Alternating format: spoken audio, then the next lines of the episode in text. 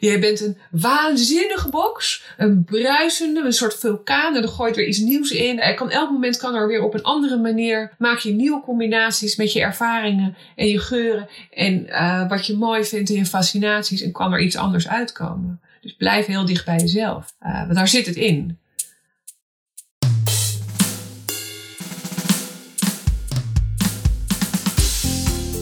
Hey, leuk dat je luistert. Dit is de Creatiedrift podcast. Mijn naam is Ruben Stelly en in deze podcastserie laat ik mij elke aflevering inspireren door creatieve makers, doeners en denkers.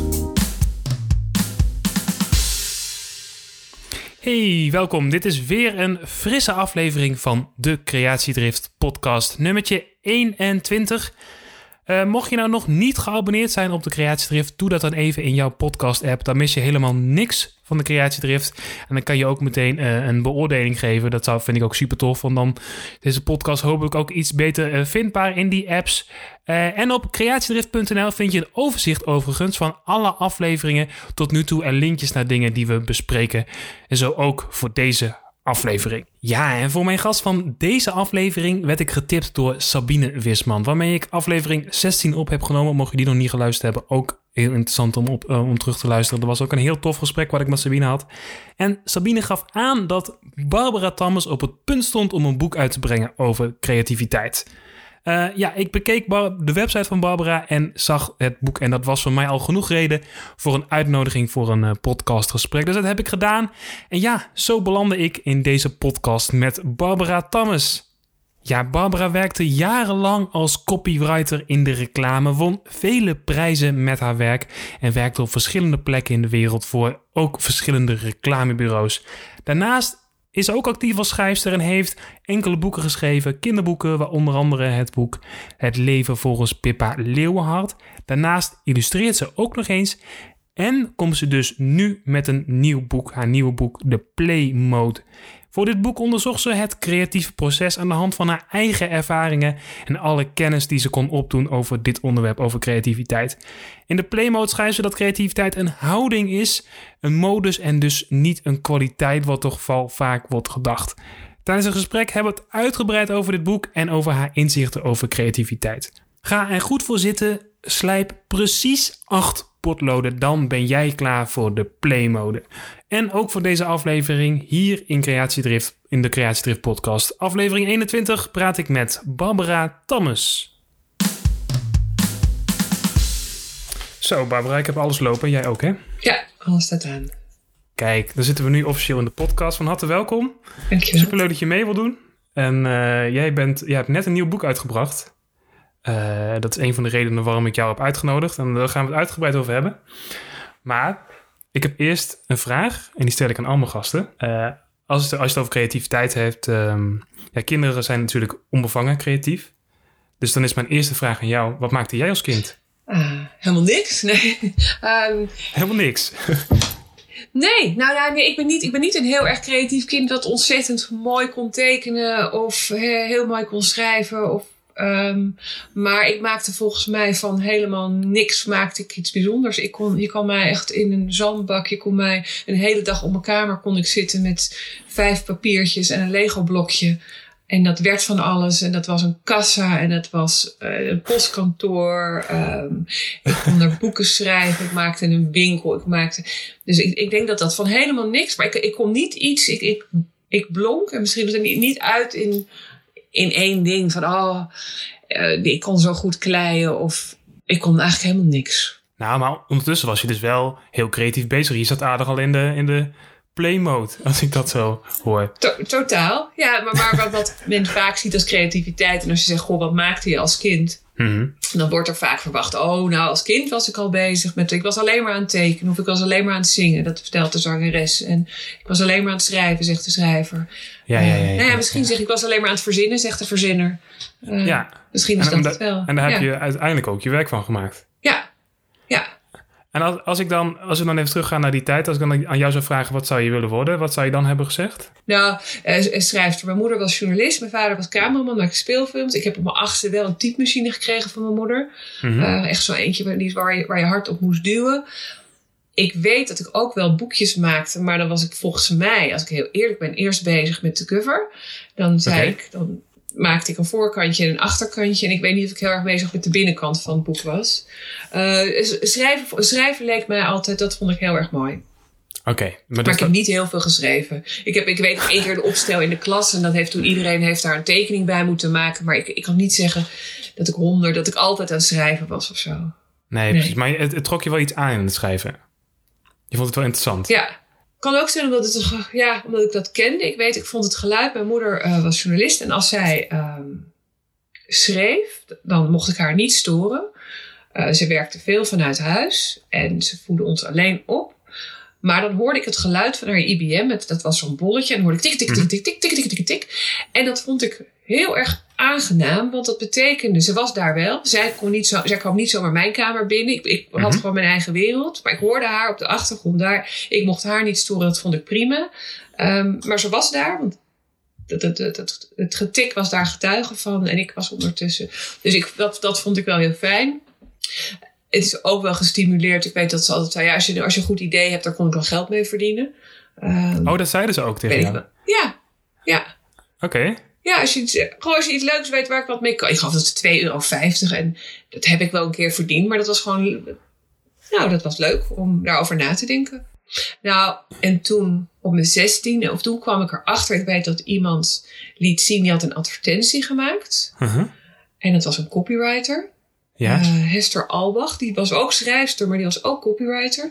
En het was een advertentie voor Brown, zo'n sapcentrifuge. En er stond bij, dit is een glas spinazie. Nou, niet eens de meest, maar ik vond dat briljant. Ik zeg, maar je ziet helemaal geen glas spinazie. Ik zie een apparaat, maar ik snap wat ze bedoelen. en ik vond dat je met woorden, korte woorden en beelden...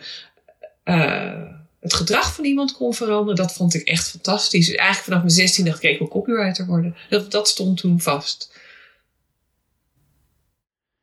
Oké, mijn verbinding viel even weg met Barbara, want mijn kat zat op de router voor het internet en er ging, was net een stekkertje uitgegaan. Kan gebeuren. Maar uh, we kunnen hopelijk nu weer verder.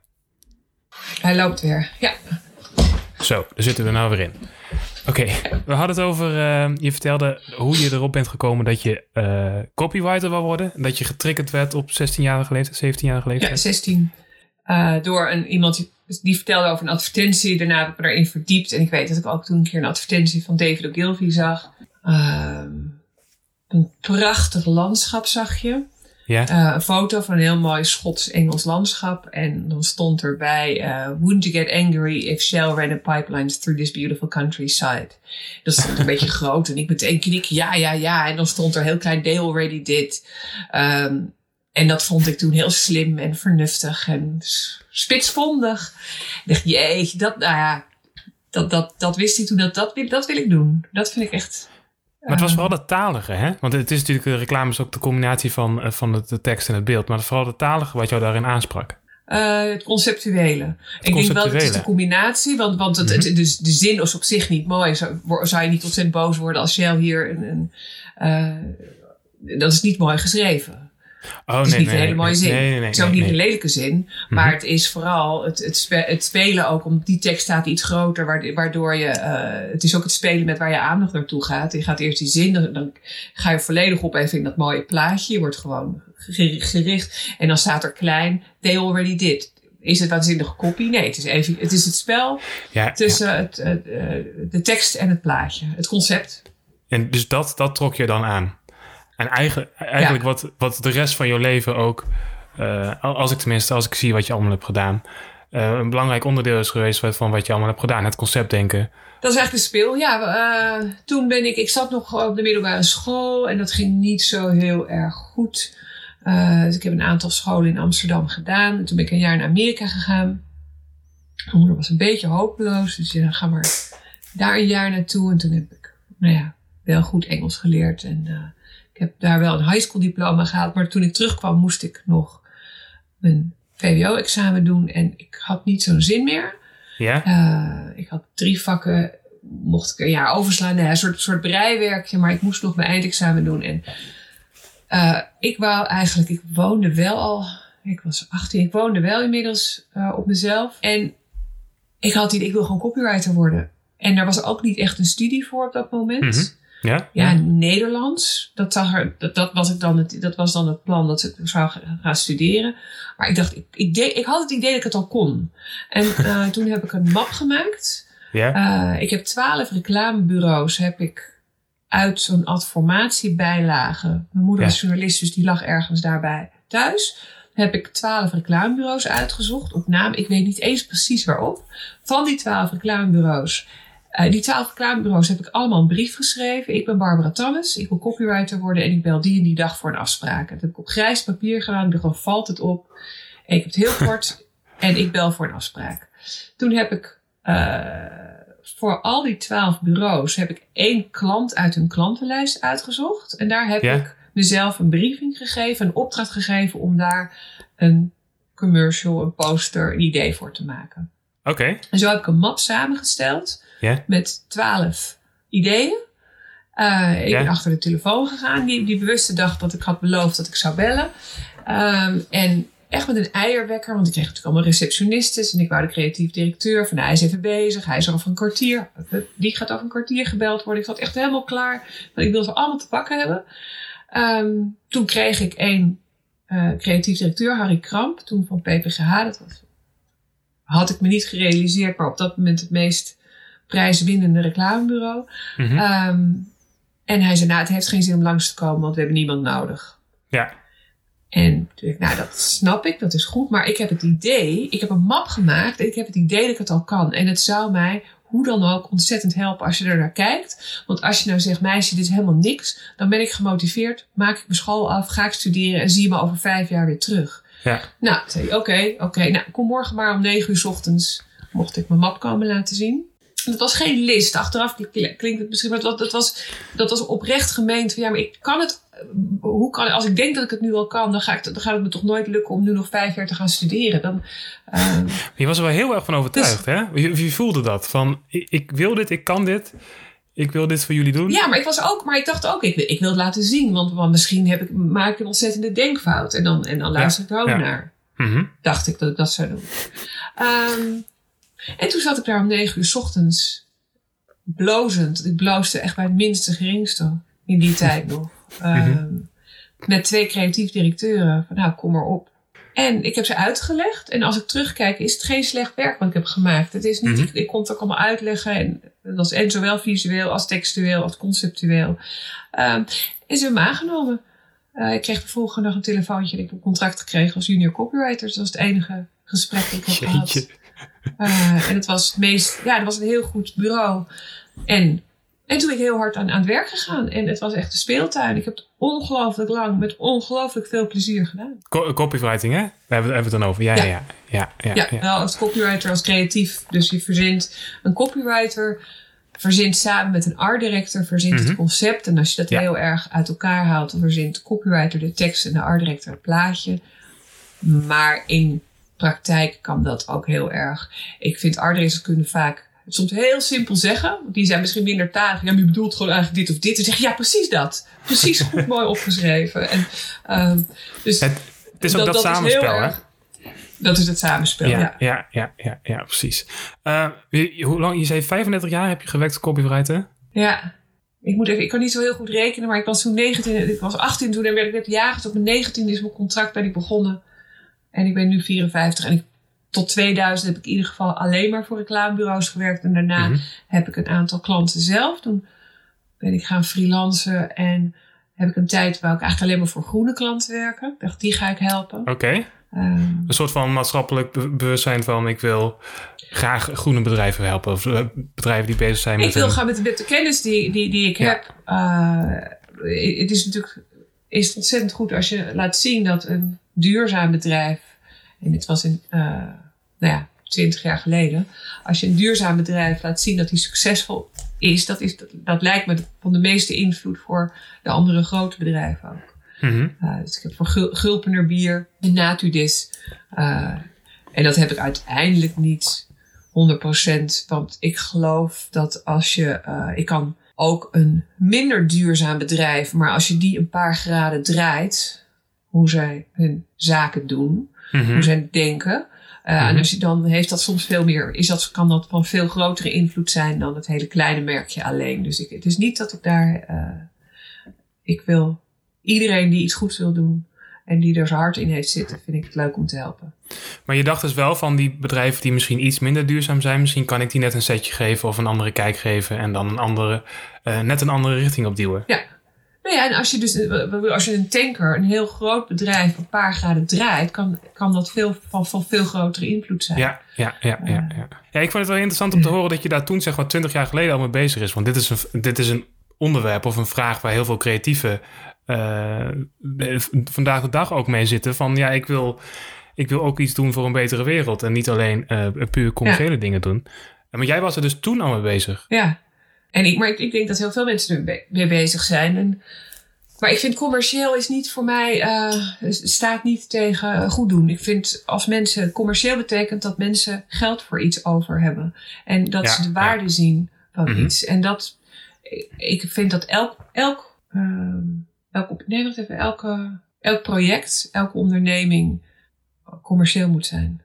Oké, Ik, ik, ik, ik snap subsidies niet en ik snap niet goed. Ik denk dat altijd mensen graag hun geld geven. Je moet ze laten zien wat, welke waarde je ze geeft. Mhm. Ehm, maar als je iets moois maakt, heeft het waarde. En denk ik dat mensen daar geld voor over hebben. En dat mag je ook vragen. Ehm, ja, ja, ja. Dus zo'n hard onderscheid zoals ik net maakte tussen commercieel en eh, de goeddoeners, zeg maar. De bedrijven die echt Ja. voor beter... Dat is, dat is niet zo hard, zeg jij. Eh, nee, want ik, ik vind juist de bedrijven. Ik vind een, eh, een bedrijf. Nou, ik heb nu wat ik heel erg leuk vind. Voor Lazy Vegan. Dat is een veganistische diepvriesmaaltijd. Oh ja, waanzinnig ik las dat jij daarover schaf, schreef in je boek ook. Ja. ja. Eh, daar heb ik een naam voor bedacht. En eh, samen met Pijn Royens de, de visuele identiteit. Ah, dat is gewoon een kick. Dan hebben ze een waanzinnig mooi product gemaakt. Mhm.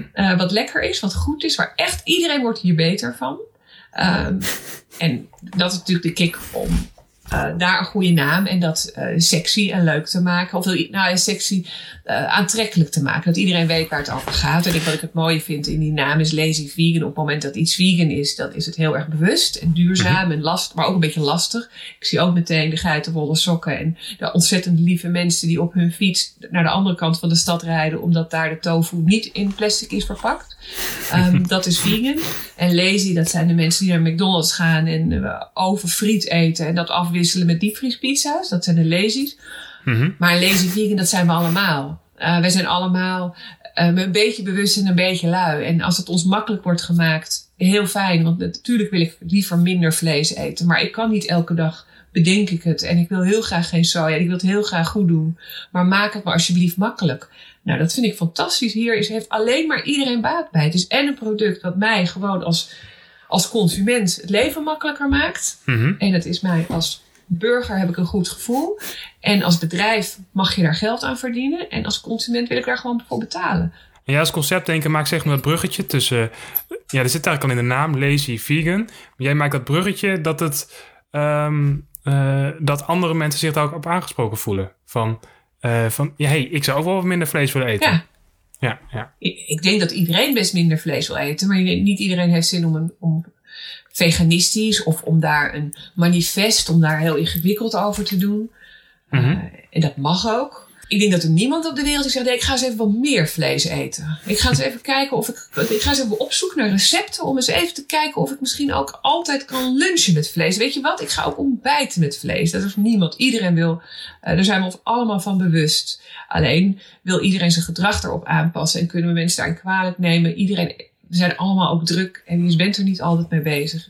Ja. Nou, dat is je vergeven. En dat is dan aan, aan de makers, aan de producenten.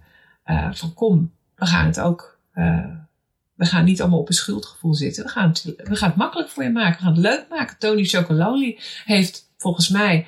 Daarvoor betaalden we nooit 3 euro voor een reep. Wat is het? De, ja. En zij hebben uh, de wereld opnieuw veranderd. En we hebben het er graag voor over. Ja, ja, dus ja, fantastisch. Dus ze hebben de, de chocolade, ze hebben de spelregels veranderd. Opeens betalen we voor een reep chocola het dubbele.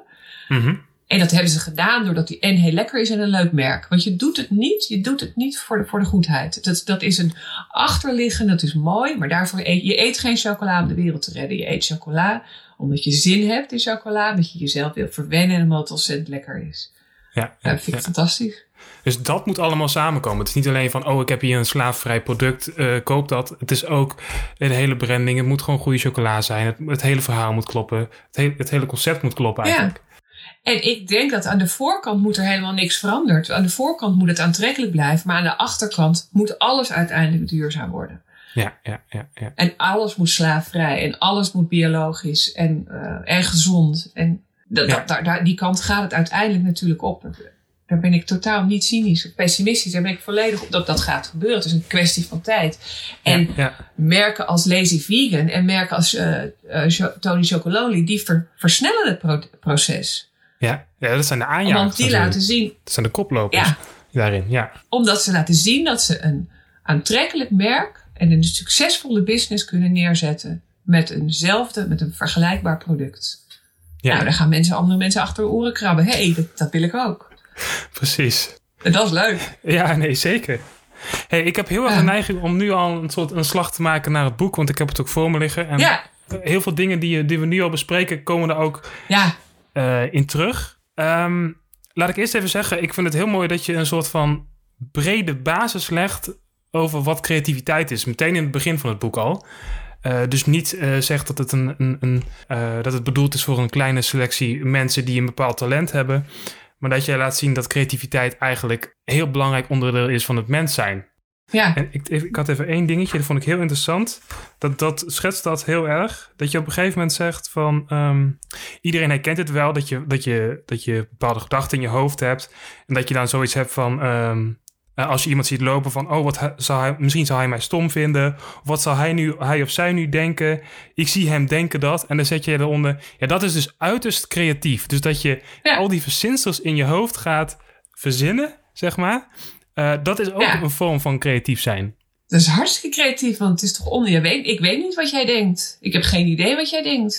Nee. Um, ik, ik verzin wat jij denkt. Ja, ja, ja. Uh, alleen je hebt er niet zoveel aan. Nou ja, je hebt er niet zoveel aan. Dat het, het blokkeert je dan, of het kan negatief Mhm. zijn. Maar het is een heel erg creatief proces. Maar datzelfde proces kun je ook gebruiken van.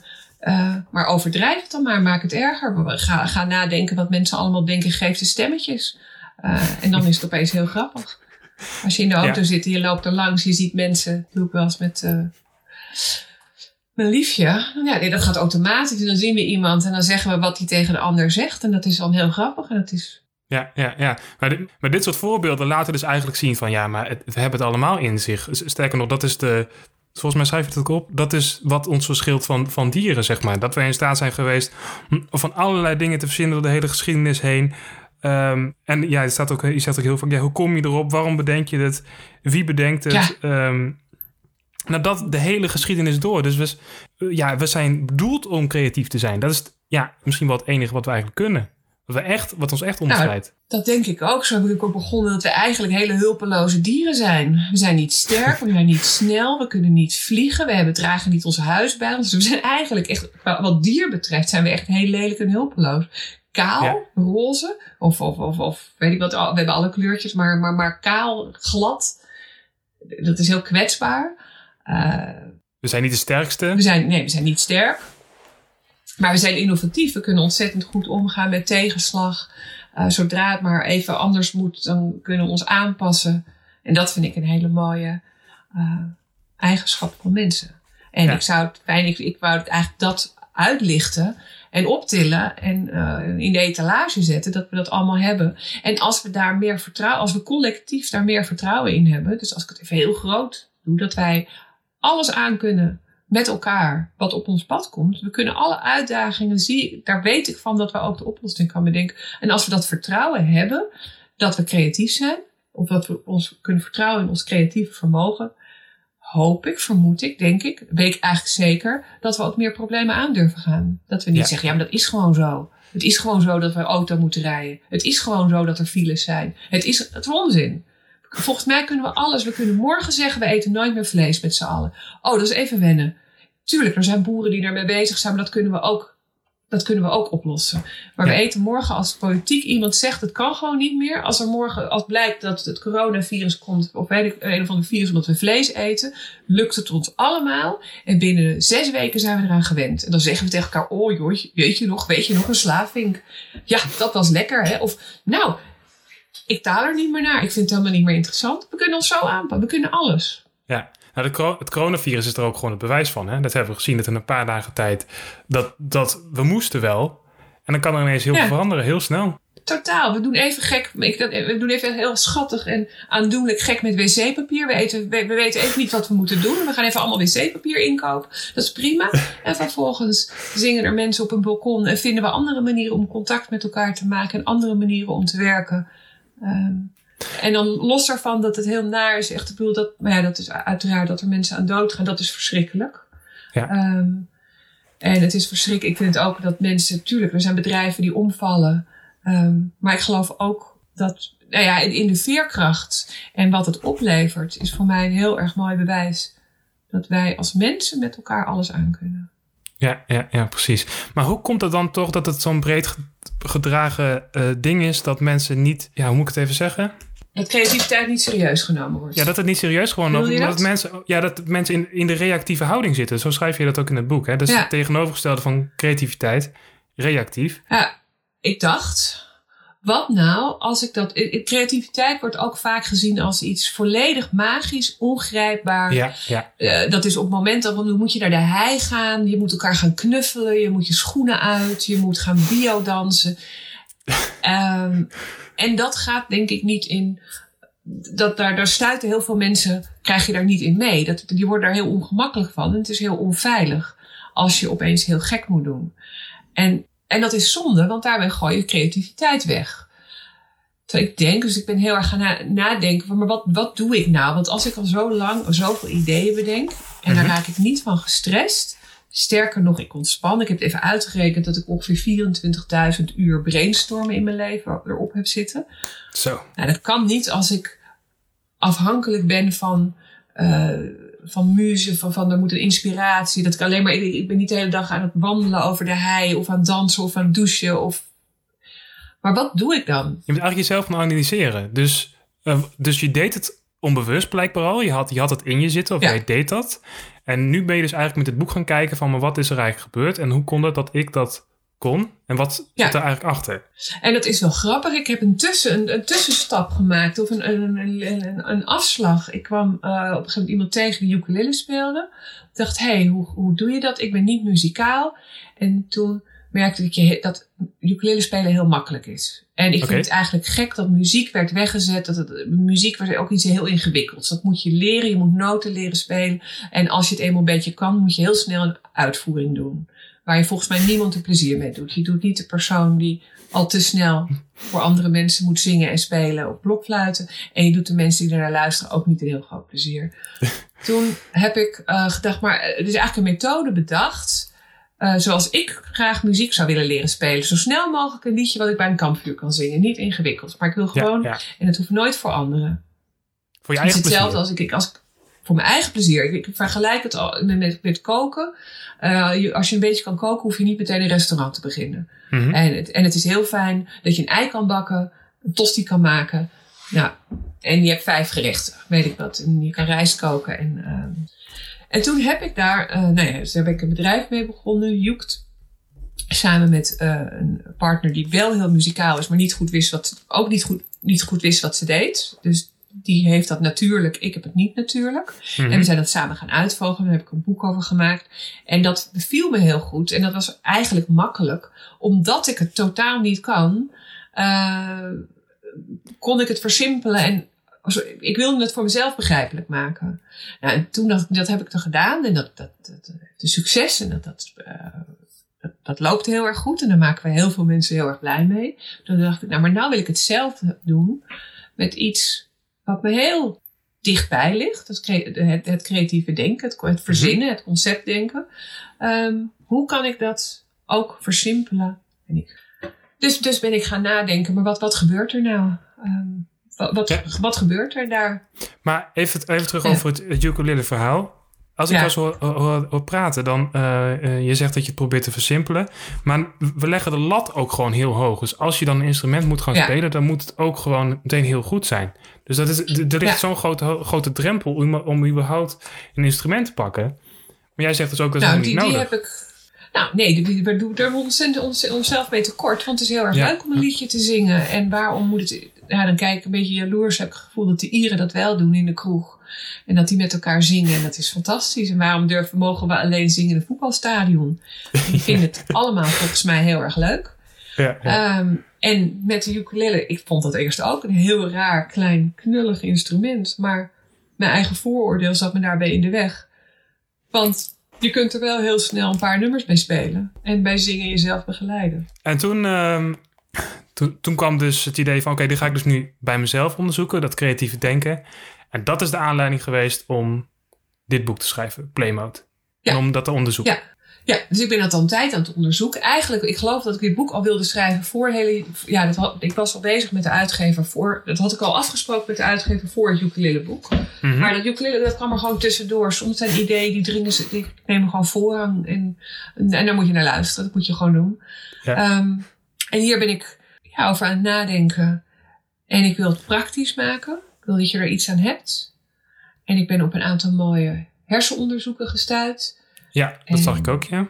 Ja, eh, dus een heel mooi onderzoek. En ik heb eh, in het boek van eh, Mark Miras, ben ik dat, wat ik echt iedereen kan aanraden. Hij is, hij is aanraden.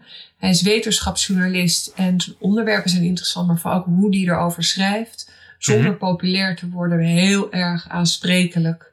Dat je het begrijpt en dat het intrigeert. En, eh, dus dat vind ik fantastisch. Daarin, eh, in zijn boek kwam, eh, haalde hij een onderzoek aan naar jazzmuzikanten die aan het improviseren waren. En zijn hun her- hersenactiviteit is gemeten. Ja. En wat bleek nou? Dat bij het improviseren, dus dat is een creatief proces, want je weet nog niet wat je gaat doen, Mhm. dat er niet meer hersencentra actief werden, maar er werden er twee gedempt. Ze werden minder actief. En dat is het centrum waar je over zelfbesef, waar je met jezelf bezig bent, en het, en het centrum waar tijdsbesef ligt, waar je met tijd bezig bent. Dus op, en dat, je, dat merk je ook wel. Als je heel erg in iets zit, dus je heel erg creatief, creatief of aan het spelen bent, daar zie ik het namelijk ook in. Dus dat daar komen we misschien nog op. Waarom het playmode heet. Ehm, als je speelt, dan ben je ook het besef van jezelf. Je bent niet met jezelf bezig. en Je bent niet met de tijd bezig. Je bent alleen maar bezig. Je zit in datgene wat je aan het doen bent. Mhm. Ik vond dat ontzettend mooi. En eh, dat is ook de, de conclusie. Creativiteit is dus niet een talent of een kwaliteit, maar het is een houding. Kijk, fijn. Een houding kunnen we allemaal aannemen. Als je het gevoel hebt eh, dat, je, dat het iets is wat je. eh, ik denk dat echt wel dat het meer mensen ligt. En dat meer mensen vooral gemotiveerd zijn om het te doen. Maar dat het een houding is die iedereen kan aannemen. Dat vond ik heel erg geruststellend. Zeker. Maar ik denk ook dat dit wel iets is wat veel mensen zullen herkennen, zoals je het nu omschrijft. Dat je helemaal opgaat in iets, dat je je- jezelf bewust zijn, eh, of dat dat geen rol speelt, dat tijd geen rol speelt. Dat je denkt, oh, het is nu al zo laat. Eh, ik denk dat dat ook iets is wat, wat heel veel mensen zullen herkennen. Dus dat, is- dat is weer zoiets om Ja. het wat laagdrempelig te, ma- te maken. En niet van, ehm, je moet heel veel talent hebben en weet ik veel wat. Maar, maar dat, dat komt continu terug van die dingen waarvan je denkt, ja, dit, dit zijn gewoon menselijke dingen. Eh, en dat zullen veel mensen herkennen. En dat het niet zo'n heel zwaar eh, eh, onderwerp is, maar dat het eigenlijk gewoon, dat iedereen het heeft. Ja. Nou, ik, ik hoop dat dat is natuurlijk. ehm, je moet eigenlijk altijd heel erg voor een doelgroep kiezen. En het is voor deze mensen. En het is voor reclame mensen. Of het is voor ondernemers. Of het is voor startende ondernemers. Of het is voor vrouwen. Of het is voor mensen. Want ook, het is een heel, volgens mij is creativiteit een heel men, gezond mentaal proces. Het is echt. Mhm. eh, het geeft je veerkracht. Of je kunt daar ook. Je kan het op zoveel manieren. ehm, ja, volgens de regels had ik eigenlijk moeten kiezen. Eh, en ik heb niet gekozen. Ik wil, eh, ik wil dat dit boek voor iedereen is. Of dat iedereen er iets aan heeft. Omdat creativiteit ook in zoveel facetten. Nou ja, gewoon op de dag. Je kunt het op zoveel manieren. Het is en voor je werk. Maar het is ook voor je mentale gezondheid. En het is om relaties in je leven leuk te houden. En het is hoe je om kunt gaan met je kinderen. En alles. Het, het, het, he- het hele leven zit erin. Ja, ja. Maar je zegt, je hebt niet gekozen voor een doelgroep, maar ik zie het vooral als van, dit is jouw, jouw onderzoek en die, dat wil je graag met zoveel mogelijk mensen delen. Ja, en, en daaruit, daaruit kan ik wel voor een bepaalde doelgroep kan ik dingen uitlichten Ja. en, en het specificeren. Maar dat mag Ja, allemaal precies. doen. Laten we het nu even hebben over de, de play mode. Ja. Als ik jou nu vraag, wat, wat is de play mode? Eh, de playmode, dat is de houding. Die, eh, Mhm. eh, dat is de voorwaarde, is de houding die mensen die creatief zijn automatisch hebben. En dat is de Automatisch houding. Ja. Ja, dus je krijgt, maar je kunt het twee, dus het is de houding die is, als je creatief bent, heb je hem. En om creatief te zijn, moet je erin komen. Dus het is een voorwaarde. Dus Mhm. ik heb hem eh, uitgezocht. En ik vind het leuk, je zou hem natuurlijk ook gewoon de creativiteitsmodus kunnen noemen, maar dan krijg je meteen een beetje paniek. Terwijl het lijkt het meest op spelen. Ook als je creatief bent, dan speel je met mogelijkheden, je experimenteert, je speelt met verwachtingen. Ehm, en ik heb gekozen voor play mode, want spelen, dat kunnen we allemaal, we doen het misschien niet meer. Maar niemand zegt, nee, ik kan niet spelen, ik heb nooit kunnen spelen. Behalve trouwens, dat ik heel interessant, het schijnt dat misdadigers, echt grote criminelen, waarschijnlijk niet hebben gespeeld. Dat vond ik zo, nou, dat, dat, dat vraagt om verder, om verdieping. Die, die, die heb ik niet, maar ik vond het heel, ik vond het ontzettend interessant. Dus die hebben Ehm, als kind ook niet, nooit gespeeld. Die hebben dat nooit. Die nee, kennen dat als kind niet. niet gespeeld. Ja, ja, ja. Nee. ja. En bespelen hoort je natuurlijk je verplaatsen in de ander, doen alsof, eh, de ander aanvoelen. Het is je grenzen verkennen. Het is, hé, hey, wacht even, nu ga ik te ver, stoeien. Weet je wel, je, dat is je kracht mogen gebruiken. Maar oh, ik bedoel, het, in spelen zitten zo ongelooflijk veel regels, zoveel sociale regels. Ik bedoel, stoeien is nooit mijn bedoeling om jou pijn te doen. Zo, zodra ik dat merk, dan zou ik ophouden. Mhm. Ehm, ja, ja, maar stoeien is wel lekker sterk en kijken hoe ver mag ik gaan. Het is, het is ontdekken, hè? Spelen is, spelen is ontdekken. En met plezier, terwijl, ja, en, en met, het spelen zit plezier altijd in. Mhm. En het is met plezier eigenlijk obstakels overwinnen. Want er zit ook een, altijd een uitdaging in of een obstakel. Maar dat heeft het wel nodig. Het, er moet wel een, een bepaalde uitdaging Ja. nodig hebben. Dat vinden we leuk, want anders zouden we bijvoorbeeld met, met golf, eh, dan, dan, dan pak je een balletje en dan loop je naar het gaatje en dan gooi je het erin. Dus een hole in one. Maar dat is niet leuk. We maken gazonnen en die, eh, en die, en die gaan we moeten van speciaal gras en karretjes en een geruite pet. En we hebben clubs met nummers en iemand. Dat maakt het leuk. En die uitdaging dat we met een, ja, dat je dan met een bepaalde stok en dan is daar zelfs, we hebben zelfs een vijver gemaakt en een moeilijk, eh, weet ik wat, een moeilijk heuveltje en een heel klein gaatje.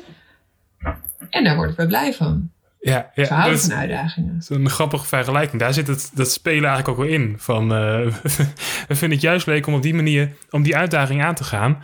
Eh, want het Ja. is niet leuk om het balletje zo in het, in het in het gaatje te leggen. Ik moet nu trouwens denken, maar als we het over sport hebben, maar ook over muziek maken, dan zeggen we ook altijd, ik ga spelen. Of heb je lekker gespeeld? Of, Ja.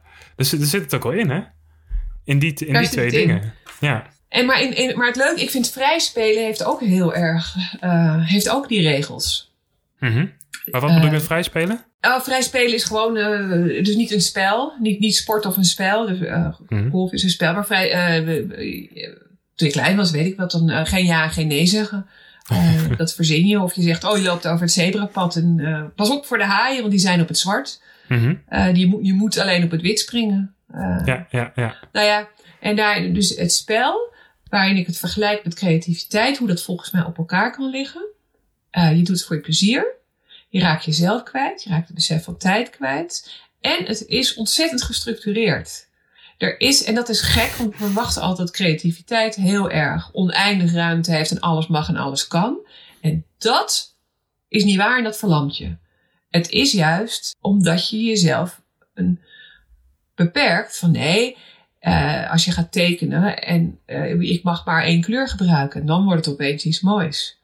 Ja, want dan, dan moet je, er, dan, als alles mogelijk is, dat, dat is zoiets van, ja, maar wa- wat, wat moet ik dan beginnen? Maar als je één kleur moet gebruiken, dan moet je daarover na gaan denken. Of dan moet je daar... Ja, en dan komt het. Dan Ja, komt het ja, vanzelf. ja, dus het is niet, je moet jezelf niet vrijmaken. Je moet alles weggooien. Je moet, je, je, moet op je, oh, je moet op je handen gaan zitten. En je moet met je mond gaan tekenen. Ehm, je moet... Dus de beperking helpt je. En dat...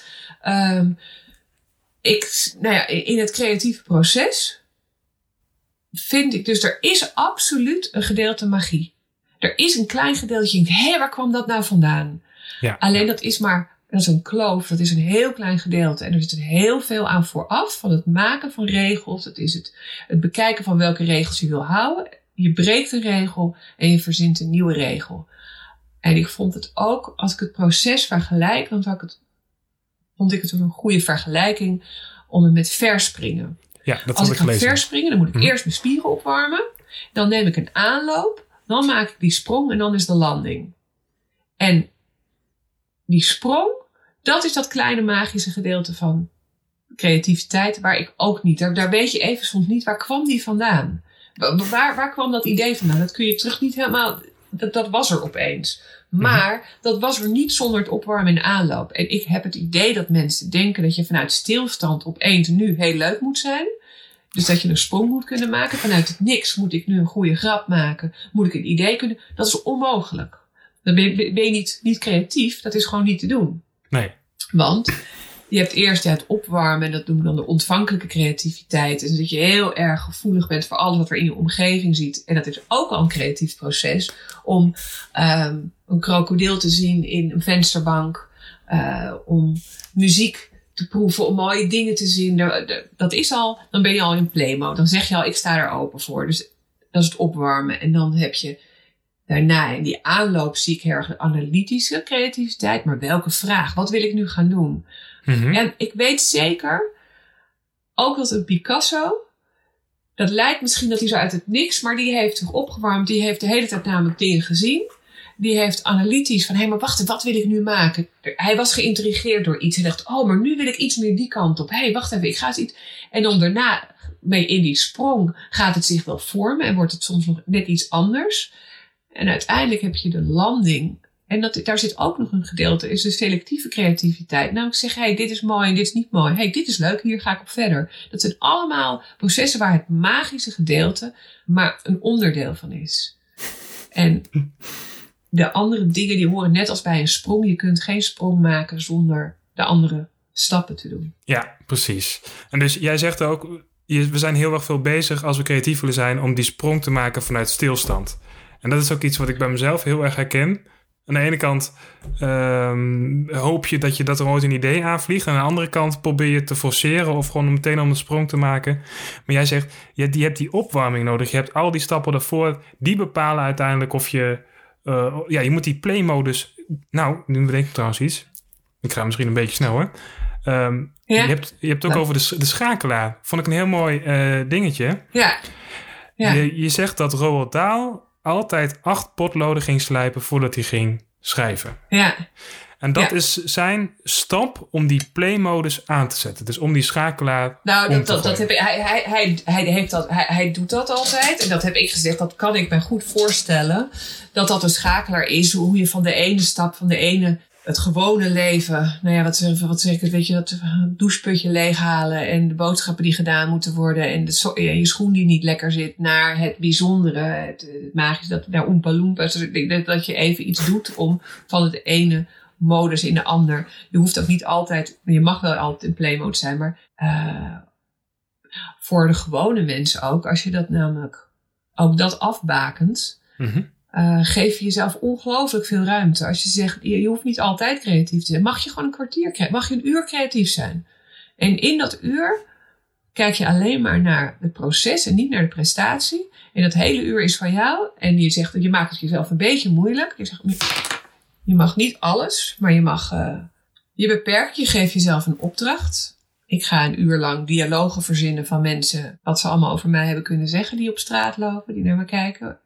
Dat Dus niet ga je een- uur doen, of je gaat een uur. Dus niet een opdracht met een einddoel, maar een opdracht om te gaan doen. Dus niet om iets te Ja, bereiken. een opdracht om te Ja. gaan doen. Precies, ja. Nee, niet, niet om te zeggen, ik moet nu de beste dialoog schrijven. Maar gewoon, ik, ga nu, ik ga nu gewoon even een uur klooien. Maar wel, je, je, je moet hem wel richten. Dus niet klooien en ik mag alles. Ik ga, ik ga al mijn stiften, ik ga alles. Ik weet je wat, ik, ik doe en mijn naaimachine op tafel en, en mijn stiften. En mijn schrijfmachine en een tekenblok. En ik ga eens even zien wat het wordt. Dan, dan, weet, dan verlam je. Maar als je zegt, nee, ik ga hier, eh, ik, ga, ik heb hier vier stukjes papier. En die ga ik volkrabbelen. Dus of je een, een tijdslimiet helpt. Of een, een pleklimiet. Maar een tijdslimiet is heel erg, die helpt heel erg. Denk dat dat voor, eh, dat het niet oneindig hoeft. Maar je zegt nu ook weer, dat zit hem in die beperking. Dus je moet bepaalde kaders stellen. Of je bepaalde, of in de tijd, of in de... ehm, nou ja, wat dan ook. Ik had een beetje het idee... Materiaal. materiaal. Ik had een beetje in eerste instantie het idee van... oké, dus dan kom je in die play-mode... of die speelmode... en dan ga je ergens zitten... En dan kijk je wat er gebeurt. Maar dat is dus niet helemaal zoals ik nu uh, begrijp Nou, van... Er was nog een ander onderzoek. Eh, Ja. En dat vond ik ook heel erg mooi. Je hebt eh, je hersenen, eh, er zijn bepaalde golven. en Je, je hersenen hebben een bepaalde frequentie. Je hersengolven hebben een bepaalde frequentie. Als jij heel erg in een diepe meditatieve staat bent, ga Oh, je ja, ja. hersengolven heel langzaam. En dat heet dan in theta-frequentie. Als je mindful mediteert, gaan ze iets sneller. Met, dat is volle aandacht. Dan zijn ze in alfa. Als je heel erg gefocust, aandachtig, ook wel, ben, je, ook wel gestrest, dan zijn je hersenen in beta-frequentie. En wat hebben ze gezien? Dat heb ik ook uit dat mooie boek van Mark Miras. Dat bij mensen die creatief zijn, mengen trage alfa-golven zich met de snellere beta-golven. Dus ze zijn niet alleen maar heel erg gefocust en aan. En ze zijn niet helemaal ontspannen, maar het is die combinatie Ja, ja. die er doorheen loopt. En dat vond ik heel erg mooi. En dacht ik, en hoe komt het nou? Hoe lukt het je? Dus je moet zowel, dat is een hele mooie, er kwam de redacteur Judith mee. Dus eigenlijk, eh zei ze, het is eigenlijk A plus B is C. Alpha plus beta is creativiteit. Dus dat is een mooie formule. Ja. Hoe? Dus je bent zowel ontspannen en je kunt je alleen maar ontspannen. Je kunt alleen ontspannen zijn als je je veilig voelt. Even seconde, mijn eh, oortje viel hier. Ehm, dus je bent zowel, zowel eh, ontspannen als gemotiveerd. En ontspannen kan alleen maar zijn, volgens mij, als je je veilig voelt. Je kunt ook alleen maar spelen als je je veilig voelt. En het eerste waar je mee ophoudt als je onveilig bent, hou je op met spelen. Ja, ja. ja. Ehm, Dus, en hoe, komt het, hoe lukt het je om te, ons, ja, om te ontspannen? Nou, daar denk ik dat spelregels is, nou trouwens met beide dingen. En hoe zorg je dat je gemotiveerd bent? Eigenlijk is dat je eerste creatie. Ik wil ontspannen zijn. Ontspannen met het niet weten. Ik ben oké, ik ben op mijn gemak. Dat ik nog niet weet wat het gaat worden. Ik ben op mijn gemak met wat het gaat worden. Eh, nou ja, en eigenlijk op, op je gemak met het onverwachte en het niet weten. Nou, dat is een behoorlijk, ontzettende leuke, maar een behoorlijke opgave. Dus daar is een gedeelte van het boek van hoe bereik je dat nou? En ik denk, in totaal bereik je wel heel erg door spelregels. Want dan kun je je overgeven, ja, maar het is nu gewoon even een tijdje doen we het zo. Nu gaan we geen ja en nee zeggen. Nu doen we, nu gebruiken we alleen die blauwe kleur. Nu moet ik een uur gewoon eventjes. Um, en dat is zowel ontspannend, want je weet gewoon waar je aan toe bent, als motiverend. Om, omdat je, als je een, een haalbaar iets voor jezelf stelt. Dus dan heb je precies die twee, uh, hoe heet het, hersenfrequenties die je nodig hebt om in de play beta, ja. ja, om in de play mode te Ja. zitten. Ja. Nou, je zegt ook van, uh, je haalt ook een, een, creatief cliché onderuit uh, over het out of the box denken. Ja. Maar dat, dat is dus een onveilige situatie. Je weet niet wat er gaat gebeuren. Nou, nee, ik denk dat mensen die, die, ik denk dat mensen die denken van zichzelf dat ze niet creatief zijn, er heel erg van schrikken. Oh mijn god, nou weer out of the box denken. Wat moet ik dan denken? En dat is een beetje, nou, zoals ik het schrijf, midden op zee uh, uit je uh, omslaan en zeggen, ja, ga maar zwemmen. Ja, welke kant op? Alle kanten zijn goed. Je, de- nee, je wil een richting hebben. En, um, en toen heb ik ook gekeken, bijvoorbeeld, je hebt, nou ja, ik haal je de, de, de, de bekende Berkeley speech van Steve Jobs aan. Ja. Hij vertelt dus, hij, is, hij heeft zijn studie niet afgemaakt, maar hij was geïnteresseerd in calligrafie. En ik weet niet of dat uit die speech, volgens mij, dat, maar dan heeft hij dat niet genoemd, maar dat was ook, hij vond ook bruin keukenapparatuur heel erg mooi. Hoe die zo simpel waren, met een enkele knop dat je die kon bedienen. Dus, en uiteindelijk heeft hem dat geïnspireerd in het ontwerp van Apple. Dat zie je heel duidelijk terug. De simpelheid, eh, de enkele knops, de eenvoudige bediening.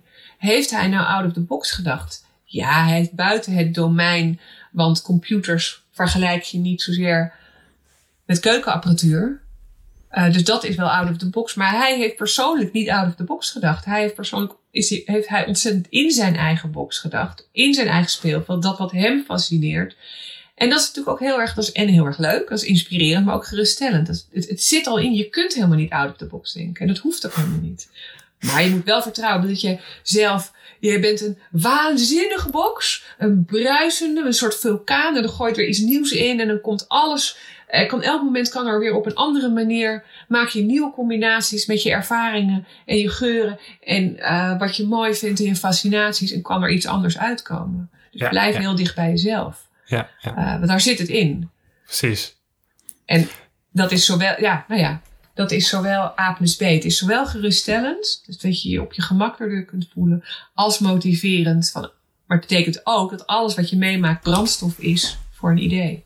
Ja, ja, ja. Dus als, als het even terugvertalen naar Steve Jobs, hij volgde zijn eigen nieuwsgierigheid, als ik het even zo mag zeggen, of zijn eigen interesses, en legde daarin enkele verbanden. Maar dat zijn allemaal dingen die dicht bij hem stonden. Of die ja, hem. Precies. Ja, het zijn niet dat hij. Dus heeft, heeft, heeft, heeft hij out of the box gedacht? Nee, het, zijn dan, het was voor hem vertrouwd. Hij vond het interessant. Ja. Ja. Ja. Het is voor ons out of the box. Want ik heb niet wat hij heeft met keukenapparatuur plus calligrafie en computers. Dus voor mij is dat een bijzondere combinatie. Ja, maar ja. hij heeft niet out of the box gedacht. En, zo hoeft, en als hij dat niet heeft gedaan, hoeven wij het ook niet. Maar als we dat heel creatief vinden met elkaar, als dat creativiteit is, Mhm. wat ik vind, Ja, ja, ja. ja, ja. dan. Of ik vond er was ook een nanotechnoloog, Michel Kain. En die probeerde een microchip te maken. ja. En bedacht toen. Had zij vroeger speelde ze met. Dus het was lastig, want eigenlijk wilde je om hem te maken. Als ik het goed zeg, want ik ben hier totaal. eh, om hem te maken moest hij eigenlijk iets groter zijn. Want dan kon je hem fabriceren en dan kon je hem versleutelen, kon je er iets mee doen. Maar om hem te gebruiken moest hij kleiner zijn. En toen bedacht zij. Zij heeft vroeger altijd met Shrinky Dings, dat is een speelgoedje, wat zeven keer verkleint als je het in de oven doet. Een soort kleiachtig iets, een plastic wat je verkleint. Toen dacht ze, oh, maar diezelfde techniek die heeft ze gebruikt. Heeft zij nou, nou dat is ontzettend out of the box om het speelgoed uh, te vergelijken, om, om die de combinatie te maken, maar voor haar niet. Nee. Zij heeft niet out of the box gedacht. Nee, klopt. Dat is een heel mooi voorbeeld, ja. Dus deze zit volgens Ja. mij ook in de Netflix-documentaire The Creative Brain. Vertelt ze haar verhaal ook. Oh, dat kan. Ik zie natuurlijk ook wel dingen en eh, ik haal het ook ergens. Ja, Ja, nee, precies. Maar dat is inderdaad een heel mooi voorbeeld. Want voor haar is dat, een, dat is iets wat, wat ze eer- eerder in haar leven heeft opgedaan. En ze heeft nu dat vak en dat brengt ze dan samen. En dan daar komt dan wat nieuws uit. Maar voor andere mensen die hebben zoiets van, ja, Ja. wow. Maar voor haar is het eigenlijk, nou ja, misschien zelfs logisch. Dus, dus, dus, dus daaruit kunnen we concluderen. Dus ga niet, laat je niet eh, verleiden. Denk niet dat je ontzettend out of the box moet denken en heel gek moet doen en opeens tatoeages moet zetten en, je, en eh, aan de drugs moet of gek moet doen om, om iets te verzinnen, iets wat je zelf niet bent. Het zit al in je. Dat, is- dat is ontzettend leuk. Er zitten hele grappige combinaties. Dus eh, ja, neem je fascinaties mee. Neem dat wat je, je neem je verwondering mee. Neem je frustratie mee. Dat is ook echt super brandstof. Alles wat Oh ja, je irriteert en ergert. Jij noemt het Ja. ook het drie soorten brandstof voor creativiteit. Verwondering, verlangen en frustratie. Dat, dat kan Ja. dingen in, in gang zetten. Ja, en, dat, en dan vond ik hier wel leuk. Dat, een beetje met mindfulness, waar ik soms tegenaan schuur. En, eh, dus ik, ik gebruik mindfulness, is natuurlijk de perfecte manier om je hersenen meer in alfa, om, de- om Mhm. te ontspannen en te vertragen. Mhm. Ik denk dat uiteindelijk niet de bedoeling is om alleen maar kalm te zijn. Het is ook leuk om te sprankelen. Je schrijft volgens mij ook over dat mindfulness gedeelte. Dat mindfulness normaal over gaat dat je je gedachten analyseert. En het, ehm, ja, moet ik zeggen, eh, eh, ernaar kijkt en dan weer je hoofd leeg maakt. Maar, maar als jij, Ja. maar jij kijkt er ook op een manier van, van ja, maar dan, op dat moment kunnen er ook allemaal interessante dingen gaan gebeuren. Dus, Ja, dan wil je ehm, achterna lopen. Precies. Dus als jij dan uit zo'n meditatie komt, dan heb je juist het idee van, oh, ik moet al die dingen juist op gaan schrijven. Ja. Dus is, het is misschien ook weer net iets actievere vorm van mediteren. Van, oh, ik ga nu gewoon even opletten wat er nu allemaal komt. En dan misschien kan ik, als ik het niet goed zeg, moet je het zeggen hoor. Maar misschien kan ik er achterna lopen en zit er wat interessants in. Ja, en, waar, en, en, en met mindfulness wordt eh, heel erg gezegd: het, het zijn gedachten en die, eh, die laat je los. Ja? En eh, het boeddhisme zegt ook: het kwaad is, is zowel verlangen als frustratie. Dat moet je niet vast willen houden. Dus als je vasthoudt aan je, aan, je, aan je, aan je woede, het is alsof je een kooltje in je hand houdt, maar uiteindelijk brand je jezelf daaraan. En dat is heel erg mooi. Maar ik zie ook dat het je ontzettend kan opladen. Dat zet je ook aan om iets te maken, om het te willen veranderen. Dus ik, ik, ik denk niet dat je alles moet doorademen. Eh, natuurlijk, als je, oh, je- natuurlijk moet je je woede doorademen als je dan eigenlijk je buurman wil aanvliegen. Ja, adem door. Maar als je de wijsheid hebt om te zeggen: hé, hey, wacht even, ik raak ontzettend boos op mijn buurman. Eh, weet je wat? Ik ga deze frustratie omzetten. Ik ga hele mooie heggen maken van bloemen. Ik, zeg, ik, noem, ik noem maar wat als, als dat iets is. Dus je kunt de frustra- frustratie. Natuurlijk, als je, je je moet hem leren wegademen als je er niet mee om kan gaan. Maar je kunt hem ook Je kunt erop mediteren, je kunt er ook mee creëren. Dus je kunt hem gebruiken. Uh, en ja, adem hem, adem hem dan vooral niet weg. Maar kijk waar, waar, waar je zo over opwint en waarom erger je de, waarom erger is het zo ergerlijk? Wat, wat, wat, wat irriteert, wat schuurt? En hoe ga je dat oplossen? ja, het doet, blijkbaar iets, het doet blijkbaar iets met je. En dat kan dus brandstof zijn om te gaan creëren. Ja, dus adem het niet weg en zeg niet dat het niet mag. Verlang als een malle. Waarom wil je dat ook? Jee, ik vind het zo mooi. Ik wil het ook. Niet, je kan er ongelukkig van worden als je het alleen maar verlangt en niet iets mee doet. Maar onderzoek het. En het is gewoon pure brandstof. Oh, maar ik wil ook iets maken. Uh, dat is de, brandstof voor, ja, voor zelfverwezenling, voor zelfrealisatie. Mm Er gaat ook een gedeelte over het boek. Ik ben daar nog niet, want ik ben, ik ben druk aan het lezen, maar dat, dat gedeelte heb ik niet bereikt. Maar het gaat over samenwerken. Ik zag daar een leuke slogan: uh, minder ego, meer Lego. daar komt jouw ja. uh, achtergrond weer om de hoek kijken. Uh, maar dat is natuurlijk ook zoiets. Ik weet niet of dat zo is hoor, maar uh, brainstormen, dat is ook uh, iets wat mensen af kan schrikken. Oh, dan moeten we gaan brainstormen, want dan moeten we creatieve dingen gaan, gaan verzinnen, zeg maar. Ehm, wat is jouw tip of wat is jouw ervaring of kennis die je hebt opgedaan over samen dingen maken? Dus ja, hoe bedenk je samen een idee of kom je samen in de, in de play-mode? Ja, nou ja, um daar heb je ook heel erg duidelijke regels nodig. En ik denk dat het heel fijn is om te weten. Wat ik een hele fijne vind. Reclame wordt altijd wel gezien als een hele nare business. Maar volgens mij zijn we echt heel aardig voor elkaar. En we verzinnen en het wordt in een brainstorm.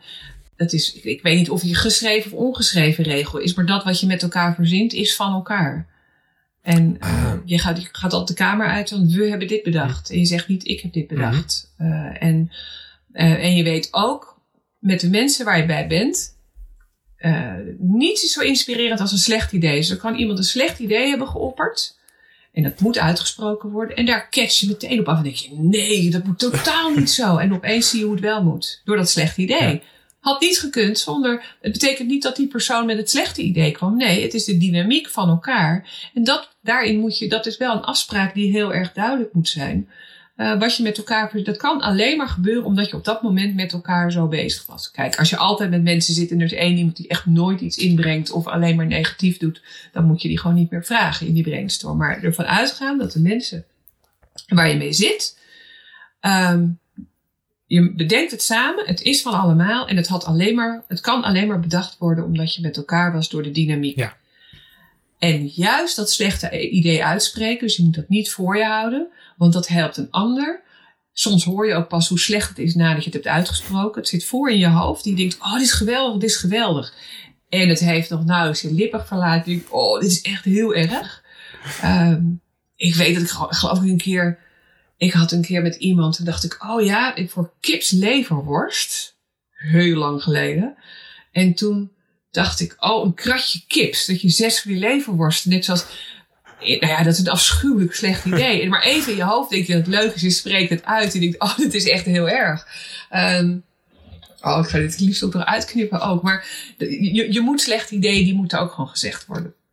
Dus als je dat weet en daar naar aanleiding daarvan kun je dan met elkaar, uh, kom je tot een beter idee.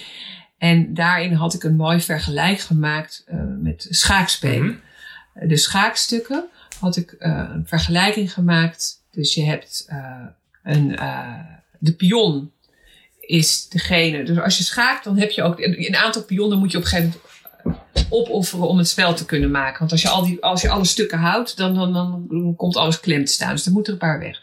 Dus uh, de pionnen zijn de losse ideetjes. En die moet iedereen, iedereen moet gewoon losse ideetjes, die moet gooien. Je moet ergens mee beginnen. Dus je kunt, je kunt niet met oordelen beginnen, je moet met ideeën beginnen. Er moet iets zijn. En dan vind ik, en soms Soms is een idee is gewoon weg, maar sommige ideeën zijn heel hardnekkig. Die blijven en die halen soms de overkant en worden ze een koningin. Dus je moet ook, als dat ideetje, dat ideetje wat maar blijft komen, dan blijf het maar zeggen. Hij komt toch weer terug. Niet erg. Hij komt, misschien haalt hij de overkant. Misschien zit er wel iets in. Maar hij moet nog een keer uitgesproken worden. Ja, maar dit toch? Ja, oké. En je gaat door. Dus je gaat ook niet heel erg bezig. God, heb je al gezegd, het is niet goed. Nee, misschien, misschien haalt hij de overkant wel. Misschien, er zit iets in. Het is niet voor niks dat hij steeds terugkomt. Dan heb je, uh, uh, de paarden, dat zijn echt hele vreemde gedachtensprongen. Dat je opeens. Uh, ja, er zijn mensen die daar heel goed in zijn. En die heb je ook nodig. Nou ja, een gedachtesprong van, totaal iets anders ervan maken. Um, En dat heb je een periode, een tijd nodig in een brainstorm. Maar dan wil je ook niet, je wil ook niet vier paarden hebben. Of, dus het kan, kan een mens zijn die zo denkt en het kan een denkwijze zijn. Dus je kunt het in je eentje doen. Dus je bent eerst ga je ideeën spuizen, dan maak je een paar hele gekke gedachtensprongen. Maar dat houdt op een gegeven moment ook op. Dan hou je op met een gekke gedachtesprong. En dan kies je er een paar uit en denk je, hé, hey, dit is aantrekkelijk. Hier wil. Dan volg je dat spoor even. Dat is een beetje als de loper. Je gaat kijken, maar wat nou als we dit doen? Wat houdt het dan allemaal in? En waar, waar kan het allemaal naartoe gaan? Dan ga je niet denken, het klopt niet, het kan niet. Maar wat, wat, wat is de potentie? Wat gebeurt er dan als we dit gaan doen? Wat gebeurt er als we auto's van snoep maken? Jeetje, want dan moeten de wegen ook veranderd worden. je gaat even helemaal doordenken. En dan heb je, dus dat, dat is eigenlijk een beetje het denken wat, wat, wat, de loper doet. En had ik het, wat de toer dan ga je het op een gegeven moment afbaken. Nee, wacht even, wacht even. Snoep, we, laten we de snoep in de auto houden. Als we de auto van snoep maken, dan moet inderdaad ook de wegen. En dat wordt plakkerig, dat gaat te ver. Dus we gaan, we gaan het even korter houden. We gaan, uh, en dat doet een, een, een toren, die, dus die, die bakent af wat is nou het domein wat wel en niet hoort. En daar kan hij ook heel creatief in zijn. Van hé, maar wat kunnen we niet combineren? En dan is de koningin, kan eigenlijk alles. Die kan het overzien en die combineert de ideeën en die maakt ze ook praktisch. En dan is de uh, koning, dat is degene die zelf helemaal niet zoveel bedenkt, perfect het juiste idee ertussenuit kan halen. En niet het idee wat hij zelf heeft bedacht of wat leuk is, mm -hmm. maar wat je denkt, dit is voor nu, voor, dit, voor deze opdracht, voor dit wat we willen doen, is perfect. En je kan dus niet beginnen met één pion en zes koningen. Dat is geen spel. Uh, dus je moet lekker veel, je moet veel ideeën. Um, maar je kan ook gerust zijn in het proces. Misschien ben je niet een pion. En misschien ben je een ontzettend goede loper. Van oké, okay, als we dit gaan doen, dan kun je dit en dit en dit. Misschien ben je een ontzettend goede toren die heel goed kan zeggen: Oké, okay, maar als we dit doen, dan hoort dat wel en dat niet. hey, dat maakt het interessant. Misschien ben je wel een hele goede koningin. En kun je het heel praktisch maken van: Oké, okay, wacht even, ik hoor twee dingen. Als we die combineren en we doen dit erbij, dan kan het deze kant. En misschien ben je wel een hele goede koning. En ben je al die tijd stil. Dan ben je degene die precies dat idee eruit weet te pikken waar het om gaat. Dus dat kan ook geruststellend zijn. Je hoeft niet alles te kunnen. Je moet er wel ruimte voor geven. Maar je hoeft, dus je kunt een heel sterk team maken als je weet. Uh, en ik, ik, heb daar heel erg veel bewondering voor. Ik heb met mensen gewerkt en denk, jeetje, die durft uh, ongelooflijk. Uh, Paul Meijer is een grote reclameman, maar die daar heb ik veel mee gewerkt en die durfde iedereen aan het woord te laten. Waar ik op een gegeven moment een beetje, kreeg ik een beetje de zee. Ik werd er soms een beetje schooljuffig van. Nou ja, nu gaan we wel heel, weet je wel, dit wordt wel heel erg. Dus we hadden voor Dove en daar haalde die travestiet erbij. En die moest die, want die wisten echt veel over vrouwelijkheid. Ontzettend leuk. En iedereen mocht alles zeggen. Maar uiteindelijk wist hij heel goed. Zei, ja, maar dat is de kant waar we op gaan. En omdat hij dat vertrouwen had. Van hé, hey, ja, maar ik kan ja, dat ja. zien. Um, dat vond ik heel, heel erg mooi. Hij wist dus eigenlijk dat hij, dat hij een goede koning was. Ja, nou ja, dat, uh, ik, ik, ik noem dit nu zo een koning. Dit, maar ik, kijk naar het proces en ik, ik zie gewoon mensen waar ik mee heb gewerkt. Dat zijn fantastische paarden. Uh, jeetje, van kom je erop? Echt. en er zijn mensen. Ja, ik, ik zie pion, ik zie paarden, ik zie lopers, koninginnen, koningen. en als ik dat zo zie, dan kan, kan ik ze allemaal daarom bewonderen. Ja, ja, ja, precies. Oké, okay, um, laten we gaan uh, afronden, Barbara. Behalve dat we natuurlijk ja. iedereen aan moeten raden om jouw boek te lezen. Heb je nou nog één goede tip uh, die je meteen zou kunnen toepassen als iemand zegt van oké, okay, ik wil kijken hoe ik creatiever zou kunnen zijn of uh, jouw methode zou kunnen toepassen. Dus hoe kom ik in de play-mode? Wat zou je dan tegen diegene zeggen? Um, ja, begin, begin gewoon. Geef, je, geef, jezelf, geef jezelf een speeltijd. Dus je hoeft niet nu voor altijd lukt het je om jezelf een half uur te geven waarin je iets gaat doen, iets gaat maken. En het maakt echt niet uit wat het wordt. En kijk dan eens hoe je je er tijdens voelde. Dus of je dat lukt, of je jezelf dat kunt gunnen mm-hmm. om het proces alleen maar te doen en iets te maken. Iets te maken, iets te bedenken. En dat kan een nieuwe wet zijn. Dat hoeft helemaal niet dus altijd kunst te zijn. Op alle vlakken. Het kan alles geef zijn. jezelf ja. een korte periode. Dus daar, daar, dan beperk je jezelf in tijd. Dus je, moet jezelf, er moet al, je legt jezelf ergens een beperking op. Dus geef jezelf niet alle ruimte, je legt jezelf een beperking op. Van, ja, maar het moet, ik ga een kwartier spelen. Ik ga een half uur spelen, ik ga een uur spelen. Ik ga, uh, ik mag, ik gebruik maar twee materialen. Ik ga koken, maar het moet met wat ik in huis heb. Ehm, ik mag geen boodschappen doen. Ik ga koken en ik ga iets bedenken. Dat is leuk, dan ben je al bezig. Ja, ja, ja. En dus die, die regels die verzin je ook voor jezelf. En daarna kan je lekker gaan spelen. Ja. Heb je daar wat aan? Ik heb er zeker wat aan. Maar ik ga, ook, ik ga eerst je hele boek nog uitlezen hoor. Dus dan, uh, dan, dan kom, kom ik het hele, he, het hele achtergrond te weten van de, de, van de playmode. Ja. Hey Barbara, super bedankt voor dit gesprek en jouw uh, kijkje in, uh, in jouw methode. Of in jouw, jouw onderzoek eigenlijk. Ja, en, en, ik hoop dat ik het onderzoek ook praktisch heb gemaakt. Dus het is geen wetenschappelijk onderzoek, maar het is vooral dat ik het heel erg heb vertaald. Wat kun je ermee en om je aan te zetten. Dat is Zeker, ja, en vanuit jouw eigen ervaring ook natuurlijk. Hè? Ja. Hey, super bedankt voor dit uh, gesprek. Ja, bedankt. Ja, dat was weer deze aflevering van de Creatiedrift podcast. Wil je nou geen aflevering missen? Abonneer je dan even in jouw favoriete podcast app. En mocht je nog vragen, tips of opmerkingen hebben, laat het mij weten door een mailtje te sturen naar ruben.creatiedrift.nl. Je kunt de Creatiedrift ook volgen op Instagram en op creatiedrift.nl vind je een overzicht van alle afleveringen tot nu toe. Ik ben Ruben Stanley, leuk dat je hebt meegeluisterd en voor nu wens ik je een hele, hele fijne dag.